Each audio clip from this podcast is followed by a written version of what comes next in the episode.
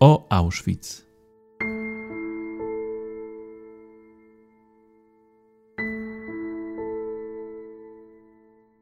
Historia obozu Auschwitz jest niezwykle złożona.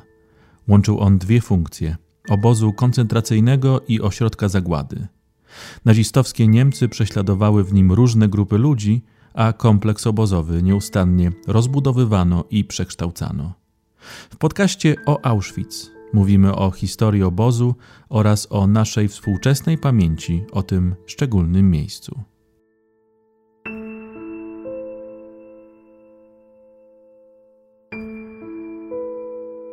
Analiza zachowanych dokumentów administracji obozowej pozwala z jednej strony na prześledzenie tego, jak działał scentralizowany system obozów koncentracyjnych zarządzany w nazistowskich Niemczech przez SS, z drugiej strony pokazuje również różnorodne aspekty funkcjonowania samego obozu i członków jego załogi.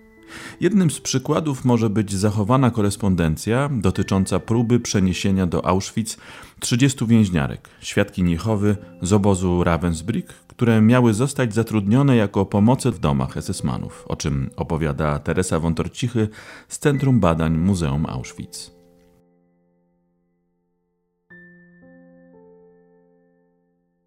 Dlaczego te więźniarki były tak szczególne, że władzom obozowym zależało na ich przeniesieniu do KL Auschwitz? Generalnie pomiędzy obozami koncentracyjnymi bardzo często dochodziło do przenoszenia pewnych grup więźniów. Zazwyczaj wiązało się to z zapotrzebowaniem na e, siłę roboczą. Czasami domagano się, żeby byli to więźniowie konkretnych kwalifikacji, na przykład piekarze czy inne zawody. W przypadku więźniarek ta sytuacja była troszeczkę inna. Po pierwsze, obozów dla kobiet było zdecydowanie mniej, i druga kwestia, y, skierowanie więźniarek do pracy jakiejś było dla obozu nie lada wyzwaniem. Generalnie dużo pracy w obozach było dla mężczyzn, stąd w przypadku zatrudniania kobiet ta rzeczywistość była dosyć skomplikowana. Ta dokumentacja, która zachowała się w archiwum Państwowego Muzeum, y, dotyczy korespondencji między Głównym Urzędem Administracyjno-Gospodarczym w Oranienburgu a kierownictwem Wydziału Zatrudnienia Obozu pomiędzy lutym a majem 1943 roku, czyli raptem kilka miesięcy.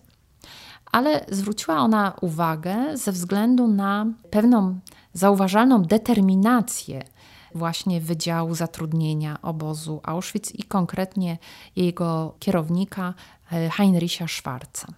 19 lutego 1943 roku wysłał on radiogram do Oranienburga, w którym prosi o przeniesienie z obozu Ravensbrück 30 więźniarek i czytamy w tym radiogramie, że mają to być Bibelforscherinnen, badaczki Pisma e, Świętego. Dlaczego akurat te więźniarki? No właśnie o to zapytuję w korespondencji z 25 lutego, czyli raptem kilka dni później, właśnie Główny Urząd y, Administracyjno-Gospodarczy. Dlaczego te więźniarki mają być? skoro wiadomo, że one skierowane są najczęściej do y, jakiejś wyjątkowej pracy. Ta wyjątkowa praca, jak wyjaśnia kolejny dokument datowany na 27 kwietnia, czyli widzimy tutaj odstęp dwóch miesięcy, to praca w wielodzietnych rodzinach SS-manów. Stało się zwyczajem w obozie Auschwitz, że właśnie więźniarki z fioletowym trójkątem i z kategorią IBV, y, badaczki Pisma Świętego i więźniarki świadkowie Jehowy były bardzo często kierowane właśnie do prac w rodzinach y, z wielu powodów. Pierwsza kwestia to to, że wiele z nich to były Niemki, w związku z tym y, kwestia komunikacji była uproszczona. Poza tym y, styl życia, zwyczaje domowe były znane bardziej więźniarkom niemieckim. Kolejna sprawa to powód ich aresztowania, czyli osadzenie w obozie koncentracyjnym konsekwencji przekonań religijnych, czyli uczestnictwo w jakichś wydarzeniach, również kolportaż literatury świadków Jehowy czy badaczy Pisma Świętego, co było zabronione w nazistowskich Niemczech a więźniowie ci znani byli z dobrej pracy, z sumienności, z rzetelności, która też wynikała z przekonań religijnych. Bardzo sumiennie wykonywali e, każdą pracę, która nie związana była z e, sprawami militarnymi, ze sprawami wojskowości, e, z umundurowaniem, z jakąkolwiek formą związaną z elementem wojska. W odpowiedzi na to pismo szef Wydziału Zatrudnienia poprosił o zestawienie, które miałoby wytłumaczyć, dlaczego akurat 30 więźniarek potrzebnych jest do rodzin SS-mańskich. W następnym liście z 30 kwietnia 1943 roku czytamy wyjaśnienie właśnie Wydziału Zatrudnienia, iż w rodzinach esesmańskich wiele matek, wiele y, żon choruje i dlatego potrzebują takiej pomocy. Urząd y, nie był przekonany, że to aż 30 więźniarek musi być przeniesionych. W związku z tym w następnym piśmie poprosił o zestawienie, ilu SS-manów ma dzieci i ile więźniarek w związku z tym y, potrzebują.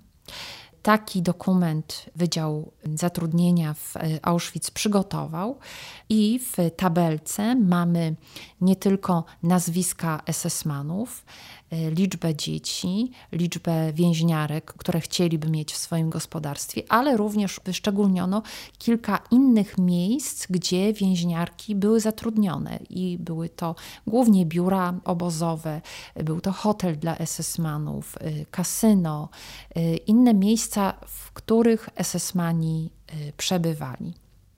Taki dokument w dalszym ciągu nie zadowolił urzędników Głównego Urzędu Administracyjno-Gospodarczego, dlatego w następnym piśmie poprosili o doprecyzowanie, w jakim wieku są dzieci SS-manów, że aż tyle y, więźniarek do pomocy jest potrzebne.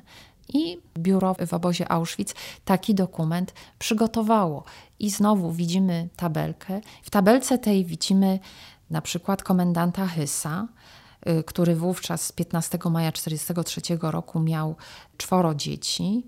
Y, wiek dzieci jest y, wyszczególniony. Piąte dziecko przyszło na świat rok później, w 1944 roku.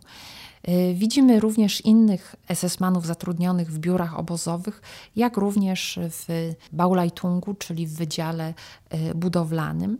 Co ciekawe, na tym zestawieniu nie ma nazwisk lekarzy SS. Niektórzy tutaj przebywali sami, bez y, rodzin a być może wtedy ci, którzy byli z rodzinami, wiemy, że na przykład Standortarzt, czyli główny lekarz obozowy, był tutaj e, z rodziną, prawdopodobnie w tym okresie nie zatrudniał więźniarki, ale wiemy z innych relacji, że takie u niego w domu też były.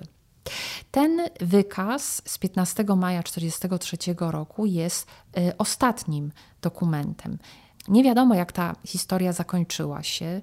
Z zachowanej dokumentacji z relacji y, więźniarek y, i więźniów nie wiemy, czy faktycznie taka duża grupa 30 więźniarek IBV, więźniarek z fioletowymi trójkątami, zostały przeniesione do Auschwitz. Prawdopodobnie nie i stąd Wydział Zatrudnienia musiał poradzić sobie tylko z tymi więźniarkami, które były w obozie, a ta liczba nie była taka znowu mała. Widzimy właśnie na tych zestawieniach zatrudnienia, że w maju 1943 roku 99, czyli prawie 100 więźniarek zatrudnionych było w różnych miejscach. Z tych 99 12 y, było uznane za w podeszłym wieku bądź przechodzące właśnie y, rekonwalescencję po chorobie, w związku z tym nie były bezpośrednio kierowane do tej y, pracy.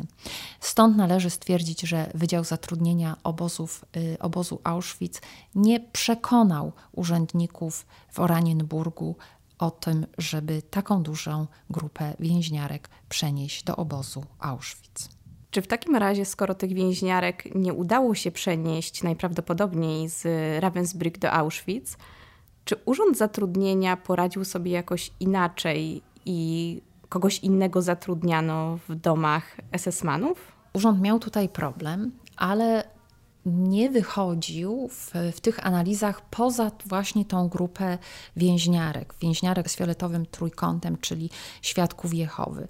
I e, w kolejnych transportach do obozu Auschwitz również e, przywożone były więźniarki aresztowane w konsekwencji e, powodów przekonań religijnych. I nawet Polki zaczęły być kierowane do pracy, szczególnie w biurach.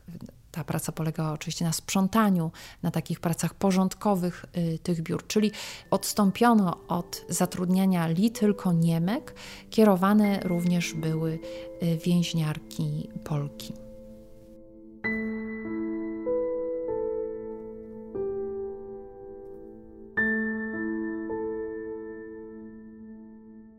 Wszystkie podcasty z cyklu o Auschwitz znaleźć można na stronie auschwitz.org ukośnik podcasty. Prosimy o wsparcie naszej misji i udostępnianie naszych podcastów w mediach społecznościowych.